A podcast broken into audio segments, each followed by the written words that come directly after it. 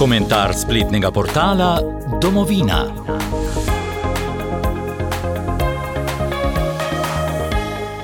V današnjem komentarju spletnega portala domovina.je bomo prebrali komentar, ki ga je zapisal Rok Frelih, naslov pa mu je dal Hud problem slovenske levice. Zahodnjakom se skušajo prodati kot moderni demokrati, hkrati pa se držijo za krilo matere Rusije. V Sloveniji je stanje grozno zatohlo, je v intervjuju za aktualni vikend povedala poročevalka TV Slovenija iz Londona Nina Kojima. Njena upravičena kritika se tiče pomankanja demokracije v slovenskem političnem in medijskem prostoru, kar pa mnoge preseneča, je dejstvo, da s takšno retoriko ni kritična do desnega, pač pa do levega političnega pola. Ne bi rekel, da je gospa Kojima zato podpornica slovenske desnice, menim pa, da gre za izjemno razgledano liberalko, ki dobro ve, kaj je demokracija. A slovensko levico ne more simpatizirati, saj, kot je neizprosno iskreno povedala, levica v Sloveniji ne obstaja in tudi nikoli ni. Drži, ko se je drugot po svetu razvijala socialdemokracija, je monopol nad socialno tematiko imela konzervativna SLS. Po vojni smo imeli plenilske revolucionarje, potem Džilasov novi razred, po osamosvojitvi pa smo dobili levico, vodeno iz ozadja, ki se je naslajala na tranzicijske tajkune in podjetnike, prisesane na sumljive posle z javnim denarjem. Pri vsem tem ni bilo kakega pretiranega poudarjanja vrednot žlahtne levice, torej široke socialdemokracije evropskega kova, bila pa je in je še vedno kontinuiteta oblasti in obvladovanje družbenih podsistemov, čemur bi prej lahko rekli totalitarizem kot pa transparentna demokracija. Kot bolj opazno zastopnico totalitarizma in kontinuitete oblasti lahko v zadnjem času vidimo ministrico za kulturo Asto Vrečko. Udeležba na slovesnosti na Čebinah ob obletnici ustanovitve komunistične partije očitno kaže na privrženost totalitarnim vrednotam, ki jih je partija uvedla, kar je jasna simbolna degradacija njenega resorja, ki naj bi zagotavljal svobodo in pluralnost. Moji kolegi novinarji ne razumejo, da se vladna ministrica udeležuje praznovanja komunistične partije. Poglede zahodnjakov predstavi Kojima, ki pove tudi, da bi bila udeležba ministrice na stavki dela zaposlenih na RTV za nje nesprejemljiva. Ministričina udeležba ni izraz kakega boja za pravice zatiranih delavcev, pač pa boja njenega ideološkega kroga za ohranitev monopola nad glavnim medijem v državi. Da bi tisti, ki jih je eno več, lahko še naprej omejevali tiste, ki jih je manj. Med omejevane spada tudi sama, saj je bila kot navaja zaradi kritičnega poročanja o Rusiji pred leti na RTV šikanirana in je ustanovo zato tudi zapustila. O ruskih zastrupitvah ljudi po Združenem kraljestvu naša nacionalka ni smela poročati, Moskva je dobila prednost pred Zahodom na slovenskem zunanjem ministrstvu, na RTV in še kje so se obnašali, kot da so ruski tajni agenti, je povedala. Še en odraz rusofilstva ali sovjetofilstva, če hočete. V resnici ni pomembno, ker gre za isto državo v drugi preobleki.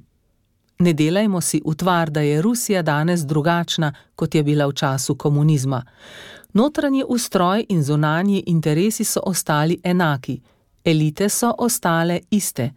Tako v Rusiji kot pri nas. Nič se ni spremenilo in čeprav je Joža Malek ugotovil, da smo se skregali z Rusi, se v resnici nikoli nismo.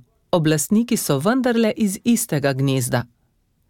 Nekdanje države vzhodnega bloka se silovito upirajo ruskemu vplivu, ker so jih Rusi povozili, opustošili ter za dosego lastne moči ukovali v verige. Mi tega nismo bili v polnosti deležni, zato smo si totalitarizem uvedli kar sami. In to je temelj za še danes trajajoče trdno partnerstvo med elitama. Sedaj imamo politično realnost, ki je talka banalnega paradoksa. Slovenska levica, ki se s progresivizmom silno trudi ujeti moderne standarde jedrne Evrope, je v resnici globoko rusofilska, s tem pa stoji nasproti ravno tisti jedrni Evropi, v katero naj bi vodila Slovenijo. Naklonjenost ali celo podvrženost interesom Rusije se tako odraža tudi v zunanji politiki. Pustimo ob strani dejstvo, da je Slovenija edina država Evropske unije, ki je od začetka vojne blagovno menjavo z Rusijo povečala. Bolj zaskrbljujoče je, naprimer, da nas v Evropskem parlamentu zastopajo ljudje, ki niso zmožni obsoditi ruske agresije na Ukrajino. Po njihovem stotine tisočev nepotrebnih smrti niso vredne obsodbe. To počnejo Rusi, ki so naši. Imamo tudi evropskega poslanca, nekdanjega predsedniškega kandidata, ki celo fašizma ni bil zmožen obsoditi, le zato, ker bi v isti sapi moral obsoditi tudi komunizem, ki smo ga mimo grede dobili iz Rusije. Reakcije zunanje ministrice Fajonove ob prijetju ruskih vohunov so bile skoraj da apologetske. Zdela se je pretresena in razočarana, namesto da bi nastopila ostro in odločno, izgnala kakega diplomata in zahtevala poostreno protiobveščevalno dejavnost. Enako so voda na mlin ruskih interesov mirovne pobude, ki jih širi Kučanov krok, golobov neposrečeni bruselski govor ali pa publicistične eskapade spomenke hribar. Vse to so indici, ki razkrivajo, v katerem grmu v resnici tiči zajec. Pod prejšnjo vlado smo sodelovali z Višegrajsko skupino, imeli smo C5, krepili smo odnose in vpliv na Balkanu. Logarjevo ministrovanje nas je postavilo na diplomatski zemljevid Evrope in umestilo v geografski in kulturni kontekst, v katerega spadamo. A videti je, da bo Fajonovi uspelo zapraviti ugled, ki ga je Sloveniji izbojevala Logarjeva diplomacija. V mednarodnem okolju tako Slovenija postaja vse bolj marginalizirana, saj nismo več kredibilen partner. Tujci so našo trenutno vladajočo levico hitro razkrinkali in če smo še nedavno predstavljali nekakšen omembe vreden dejavnik, sedaj to nismo več. Zaradi lastne nesposobnosti ali zaradi nekredibilnosti kot posledice rusofilstva? Verjetno zaradi obojega. Razlogi za to so precej enostavni. V duhu jedrne Evrope skrbeti za položaj LGBT skupnosti in obenem držati leste v Rusiji je na vides nezdružljivo. Istočasno zagovarjati dve strani, ki gojita popolnoma nasprotne vrednote, je načelnemu človeku nemogoče. A naši levi politiki to zmorejo. Govorjenje o jedrni Evropi jim je namreč zgolj obrt, ki jim omogoča preživetje, navezanost na Rusijo pa jim je vera, ki so jo ponotranjili do neracionalnosti. Za nje je Rusija, tudi če je slaba, še vedno dobra. Je njihova intimna opcija, bi rekel Milan Kučan. In od takšne ideološke podstati se je težko ločiti, saj jim je v prejšnjem režimu omogočala popolno oblast. Kontinuiteta pa je to miselnost popeljala v današnji čas, Zavedajmo se, da takšni ljudje niso primerni za vodenje demokratične države. Pričevanje gospe Kojime razgalja mračno sliko slovenske levice, ki je škodljiva za družbo in državo. Mislili so, da se bodo z jedrnoevropskim progresivizmom sleparsko prodali zahodnjakom kot nekakšni moderni demokrati, hkrati pa se držali za krilo matere Rusije.